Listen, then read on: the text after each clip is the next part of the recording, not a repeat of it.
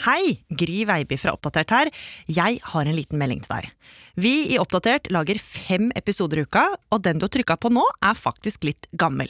Det er nemlig bare i appen NRK Radio du finner alle episodene våre. Der har vi samla alt, både podkaster og radio, helt uten reklame. Kanskje du vil høre en av de 13 radiokanalene våre for å få med deg det siste som har skjedd, eller henge med fine folk som spiller musikken du liker. Eller høre en av de andre NRK-podkastene? Jeg kan i hvert fall love deg flere episoder av Oppdatert i NRK Radio. Vi har faktisk laga hundrevis av episoder som ligger og venter på deg. Og en av dem får du høre nå. God lytting. En podkast fra NRK.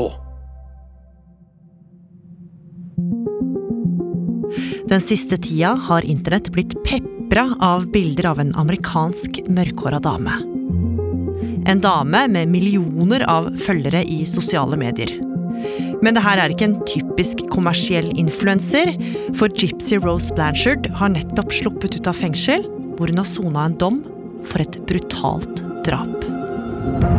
After eight years behind bars, and before that, a life confined to a wheelchair, Gypsy Rose Blanchard will soon walk free. Now 32 years old, she's set to be released early from Chillicothe Correctional Facility in Missouri tomorrow. Hvem er egentlig Gypsy, og hvordan gikk hun fra å være en drapsdømt til å bli et slags popkulturelt fenomen?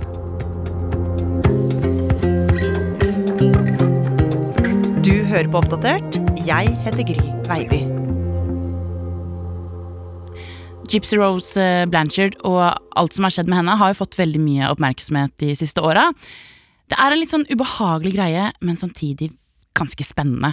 Og så blir det ikke akkurat mindre interessant når Gypsy selv, etter mange år i fengsel, nå har blitt en slags influenser med mange millioner følgere. Ingrid Moholt Waaler, du er programleder for den popkulturelle podkasten Trash her i NRK, og du har latt deg fascinere av historien om Gypsy. Ja, eh, historien hennes inneholder jo egentlig alle de liksom, klassiske komponentene for en god historie. Det er en salig blanding av kjærlighet, løgn og tragisk nok et grusomt drap. Så det er jo en sak som opplevdes ganske rystende for mange, inkludert meg selv, da den først ble kjent. Og Gypsys liv i offentligheten, det starta faktisk for over 15 år siden. Det er 2008, og i Springfield, en by i den amerikanske delstaten Missouri, har det samla seg en gjeng med folk foran et lite, lysrosa hus. Nesten alle har gule arbeidshjelmer på hodet, og nå vinker de engasjert til fotografen som har møtt opp for å forevige øyeblikket. Foran dem, ute på plenen, sitter en jente i rullestol. Hun har på seg en prinsesseaktig prangende kjole og en stor lue på hodet. Også hun poserer gledesstrålende for fotografen, side om side med mora si, som smiler like bredt. Og Ingrid, det her er rett og slett en ganske unik husovertagelse. Ja. Fordi jenta som sitter i rullestolen, som altså da heter Gypsy Rose, eh, og moren hennes Didi, de har fått dette rosa huset i gave. Eh, fordi Noen år tidligere så ble de to ofre for eh, orkanen Katrina, og de mistet nesten alt de hadde, inkludert huset sitt. Men nå har eh, Gypsy og Didi endelig fått et eh, nytt hjem, takket være en eh, hjelpeorganisasjon og en haug med frivillige som har brukt mange herrens timer på å få dette huset ferdig. Remember my mom had gave me this little glass house and she said this one day this will be real. And now it finally is. Men når de nå står foran hjemmet sitt og gliser mot fotografen, så er ikke det spesielt uvanlig for dem. Nei, Didi og Gypsy er faktisk eh, ganske vant til å få mye oppmerksomhet. Da de mista huset sitt i orkanen, så var det veldig mange som strømma til for å hjelpe familien. Eh, og en av grunnene til det er at lille Gypsy Rose har en eh, god del utfordringer med helsa si. Faktisk så har hun vært syk nesten hele livet. Hun har annet problemer med øynene, med hørselen sin, tennene og fordøyelsessystemet. I tillegg har hun epilepsi, diverse allergier og ikke minst en alvorlig muskelsykdom som har ført til at hun nå sitter i rullestol. På toppen av alt det der så har hun også leukemi, altså blodkreft. Og som om alle disse utfordringene ikke er nok, så vet Gypsy at hun er født med en mild psykisk utviklingshemming. Det er i hvert fall det moren alltid har sagt til henne. Didi vier all sin tid til å følge opp datterens helseproblemer, og medisinskapet er fylt til randen av diverse piller og medisiner. Men takket være bidrag fra folk som gjerne vil hjelpe, så går det egentlig ganske fint med den lille familien. Ja, for de to har eh, på en eh, litt rar måte blitt et slags radarpar i mediene. Det er eh, mange som lar seg røre av Gypsys historie, og hun og mora får tilsendt en haug med gaver, penger og sponsa utstyr. Gypsy opptrer selv også, annet under et event hos en kreftorganisasjon.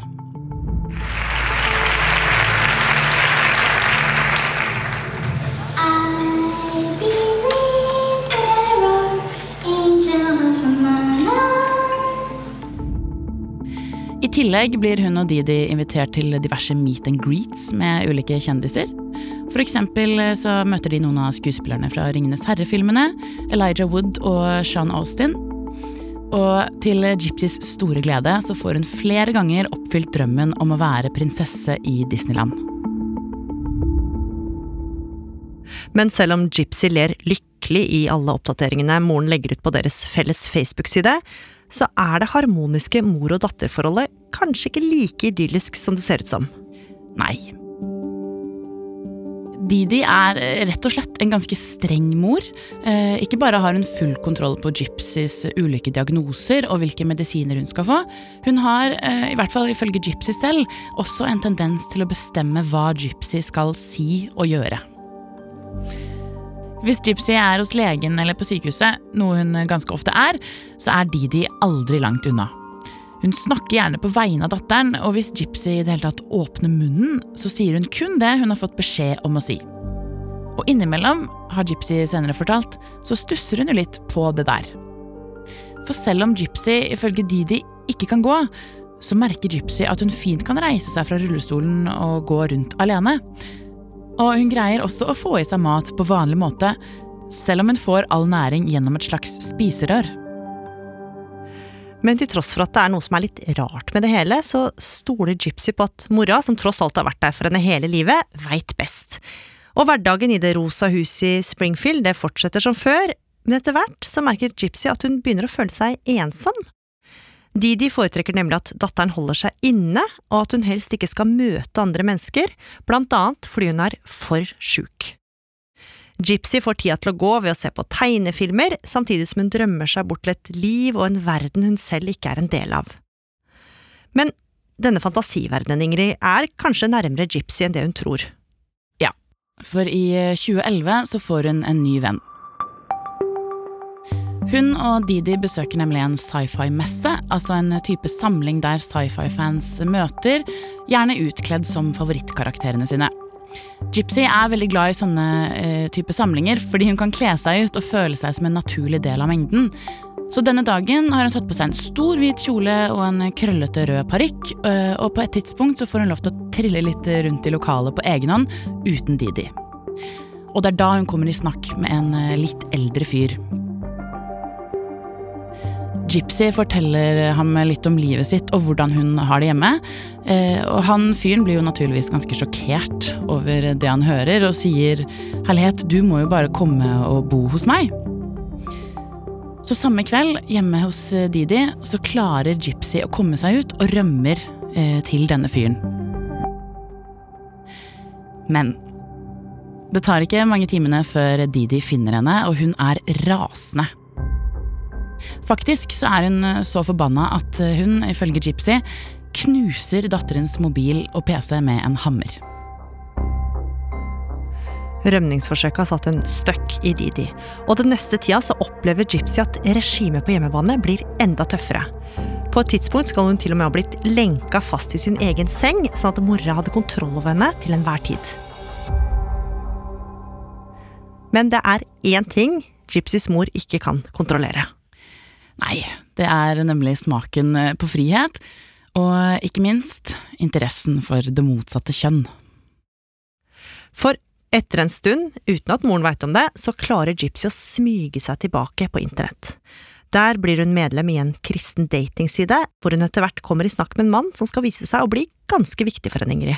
Ja, Han heter Nicholas Godijon, eh, og det tar ikke lang tid før han og Gypsy finner tonene, for å si det sånn. Etter hvert så drister Nicholas seg til å introdusere Gypsy for sex, eh, noe hun åpenbart ikke er så veldig erfaren med. Og sammen luller de seg inn i en slags sånn rollespillbasert fantasi på nett, der de begge har flere ulike personligheter. Men de har jo selvfølgelig lyst til å ha et forhold i virkeligheten også.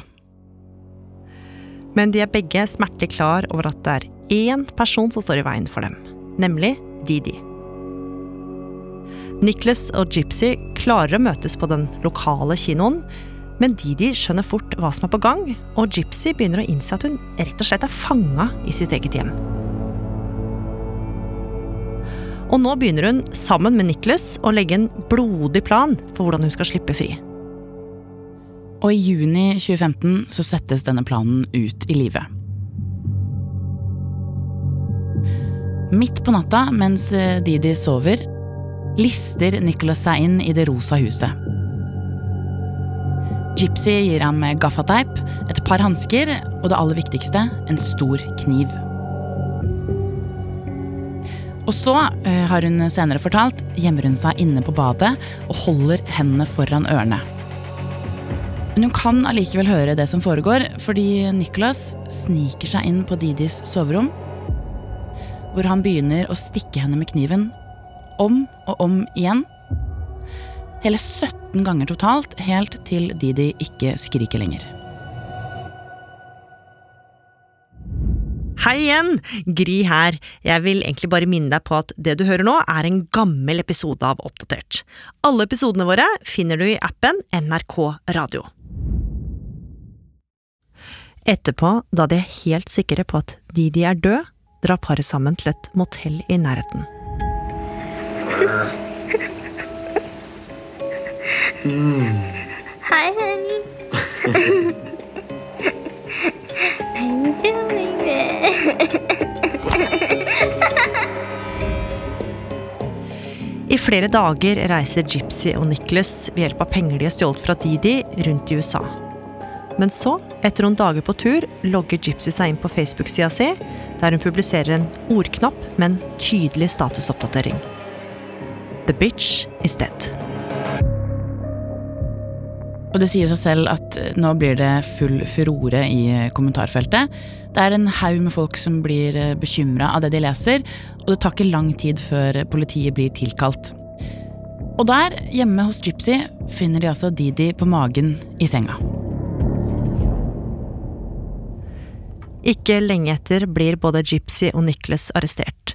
Og jenta som politiet nå får inn til avhør, hun er jo ganske annerledes enn det de kanskje hadde trodd. Ja. Altså, For det første så viser det seg at hun ikke trenger rullestol i det hele tatt. Beina hennes fungerer akkurat som de skal. Og selv om hun fremstår litt merkelig, så virker det ikke akkurat som hun har en psykisk utviklingshemming. Tvert imot så snakker hun ganske godt for seg. Så politiet skjønner fort at de har fått en ganske spesiell sak i fanget. Og nå, bit for bit, så kommer sannheten om Gypsy endelig fram. Okay, good morning. Uh, I want to specify at the beginning of this press conference that this, this is an ongoing investigation. And I want to start off with saying things are not always as they appear. This is a tragic, tragic event surrounded by mystery and public deception. Gypsy Rose er nemlig ikke sjuk, sånn som mora hennes alltid har sagt.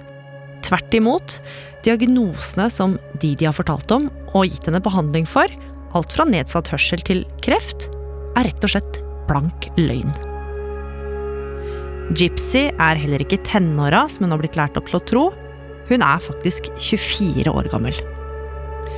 Og selv om Didi ikke lever lenger, og dermed ikke får forklart sin side av saken, så er det mange eksperter som mener at dette er et helt klart tilfelle av et fenomen som kalles Münchhausen by proxy. Altså at Didi med vilje har sykeliggjort Gypsy, Kanskje for å skaffe seg oppmerksomhet og omtanke, men også for å svindle til seg penger, donasjoner og andre goder. Nettopp derfor har hun hele veien løyet om alderen til Gypsy, og faktisk forfalska fødselsdatoen hennes for å opprettholde bildet om sin syke, mindreårige datter. Og det viser seg at Didi har hatt stålkontroll på flere enn datteren.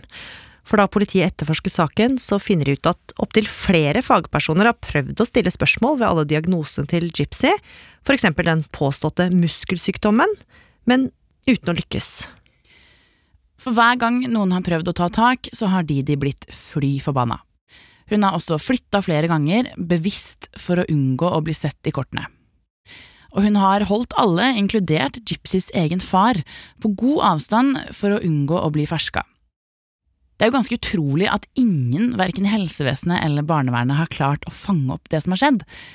Men så har jo også Didi gjort sitt for å unngå at noen har tatt tak i saken.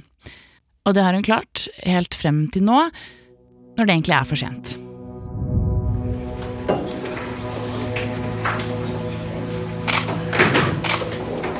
Ett år seinere stiger Gypsy inn i en rettssal i Springfield. This is in the case of State of Missouri versus Gypsy Rose Blanchard. Please raise your right hand. Hodet hennes, som alltid har vært glattbarbert, er nå fylt av brune, halvlange krøller. How do you plead to the Class A felony of murder in the second degree? Guilty. Og der, foran dommeren, erklærer hun seg skyldig for medvirkning til drap på sin egen mor She's to be sentenced to 10 years in the Missouri Department of Corrections. og dømmes til ti år i fengsel. Nicholas, som jo utførte selve drapet, blir seinere dømt til livstid bak murene. Men de som trodde at det her skulle bli det siste de så til Gypsy, de må trå om igjen. Ja, for uh, Gypsys liv i offentligheten, det har bare så vidt begynt. Våren 2017, altså under ett år etter at Gypsy ble dømt for drapet på moren, så kommer det en dokumentar på HBO som heter Mommy Dead and Dearest. Og her rulles hele historien om Gypsy opp, og det som kanskje er litt spesielt, det er at hun selv er en stor del av den. Hun sitter der og blir intervjua med stripete fangedrakt og håndjern på seg, og forteller egentlig ganske detaljert om selve drapet, som hun jo mer eller mindre overbeviste Nicholas om å gjennomføre. There was some noises that I can't make out. And I heard her say my name a couple times. And, um, and she said, Help me. And then there was just silence. Did she scream? Yeah. Men denne historien er jo så sjuk at en dokumentar ikke er nok. For bare et par år senere så blir historien om Gypsy og Didi rett og slett dramatisert i en helt egen TV-serie som heter The Act. Hvor den kjente skuespilleren Patricia Arquette spiller rollen som Didi. Okay. Mirror, mirror on the wall, who's the fairest one of all? You are. No, you are. Selv om Gypsy sannsynligvis ikke får sett serien selv, så får hun nok med seg at det hun har opplevd, fortsatt vekker oppsikt, og at det er mange som er interessert i å høre om det. Og det vil hun jo rett og slett utnytte. Så i fjor høst, noen måneder før hun blir prøveløslatt, så får hun laga seg en profil på Instagram.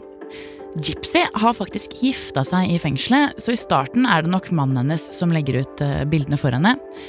Men i slutten av desember så kan Gypsy selv trykke på publiseringsknappen. Fordi da legger hun ut det som hun selv beskriver som 'first selfie of freedom'. Etter nesten ti år i fengsel er Gypsy Rose en fri kvinne. Og det tar ikke lang tid før både følgere og likes strømmer til. Mange millioner mennesker vil nå følge livet hennes på Instagram, TikTok og Snapchat. Hey, everybody. So we are in Times Square. Look at this. Isn't this epic? Oh my god, I'm so enjoying my time right now. Og Ingrid, det kan jo nesten virke som at Gypsy har en slags PR-plan for livet utafor murene? Ja, Her går det virkelig slag i slag. Gypsy gjør et stort, eksklusivt intervju med magasinet People, hvor hun snakker ut om både barndommen og tida i fengsel, og også forteller at hun, paradoksalt nok, har følt seg mer fri eh, der enn hjemme hos moren sin. Og etter People så er det rett videre til talkshowet The View, hvor hun også har med seg mannen sin i publikum. Please welcome Gypsy Rose Blanchard. Um, I know I, I'm enjoying my freedom. I'm taking it day by day. Um, it feels really, really nice to be um, out in the free world. Ryan and I, we've known each other for three years now, and um, we've been married for a year and a half. And um, he's just, he's so genuine. Um, he's from Louisiana as well. Um, and let me tell you, he is an amazing cook.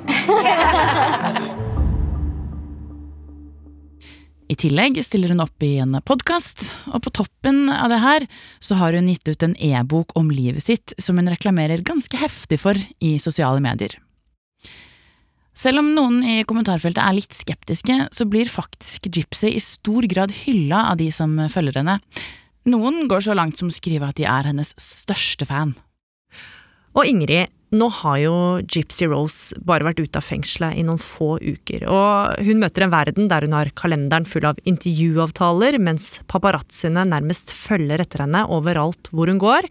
Er det egentlig innafor å gjøre en drapsdømt til stor kjendis? Det er jo mange som heier på henne og syns at det er på tide at hun skal få leve et uh, fritt liv, for hun har jo vært offer for noe som er helt grusomt. Samtidig så har hun jo også vært med på å ta livet av sin egen mor. Og selv om Gypsy har sona dommen sin ferdig, så betyr kanskje ikke det at hun automatisk bør få en slags karriere av å leve i rampelyset. Når det er sagt, så er det jo ekstra mye kok rundt henne akkurat nå, fordi hun nettopp har sluppet ut av fengsel, så det kan jo godt hende at hele greia vil dabbe av etter hvert, når hun ikke er like aktuell lenger. Men hva er det Gypsy skal gjøre framover nå, da? Hun sier selv at hun har lyst til å stifte en familie, og også bruke tid på å bli en talsperson for de stemmeløse og ofre av Münchhausen by proxy. Så virker det jo også som at hun har flere prosjekter på gang, annet en serie om hvordan hun hadde det i fengsel. Og så gjenstår det fortsatt å se da, om de mange millionene som følger henne i sosiale medier nå, fortsetter å la seg fascinere av Gypsy i tida som kommer.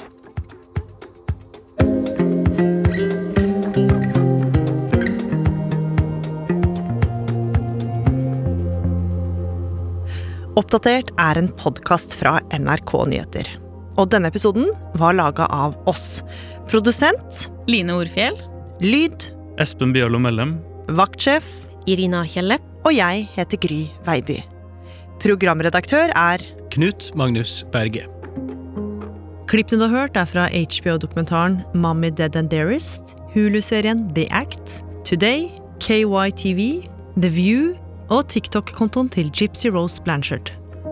Har du tips til sak eller innspill til noe av det vi lager, så kan du gi tilbakemelding direkte i NRK radioappen, eller du kan sende oss en e-post til oppdatert krøllalfa nrk.no.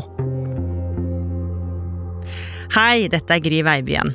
Hvis du likte denne episoden her, og gjerne vil høre mer, så ligger altså alle episodene til Oppdatert i appen NRK Radio, i tillegg til veldig mye annet bra innhold.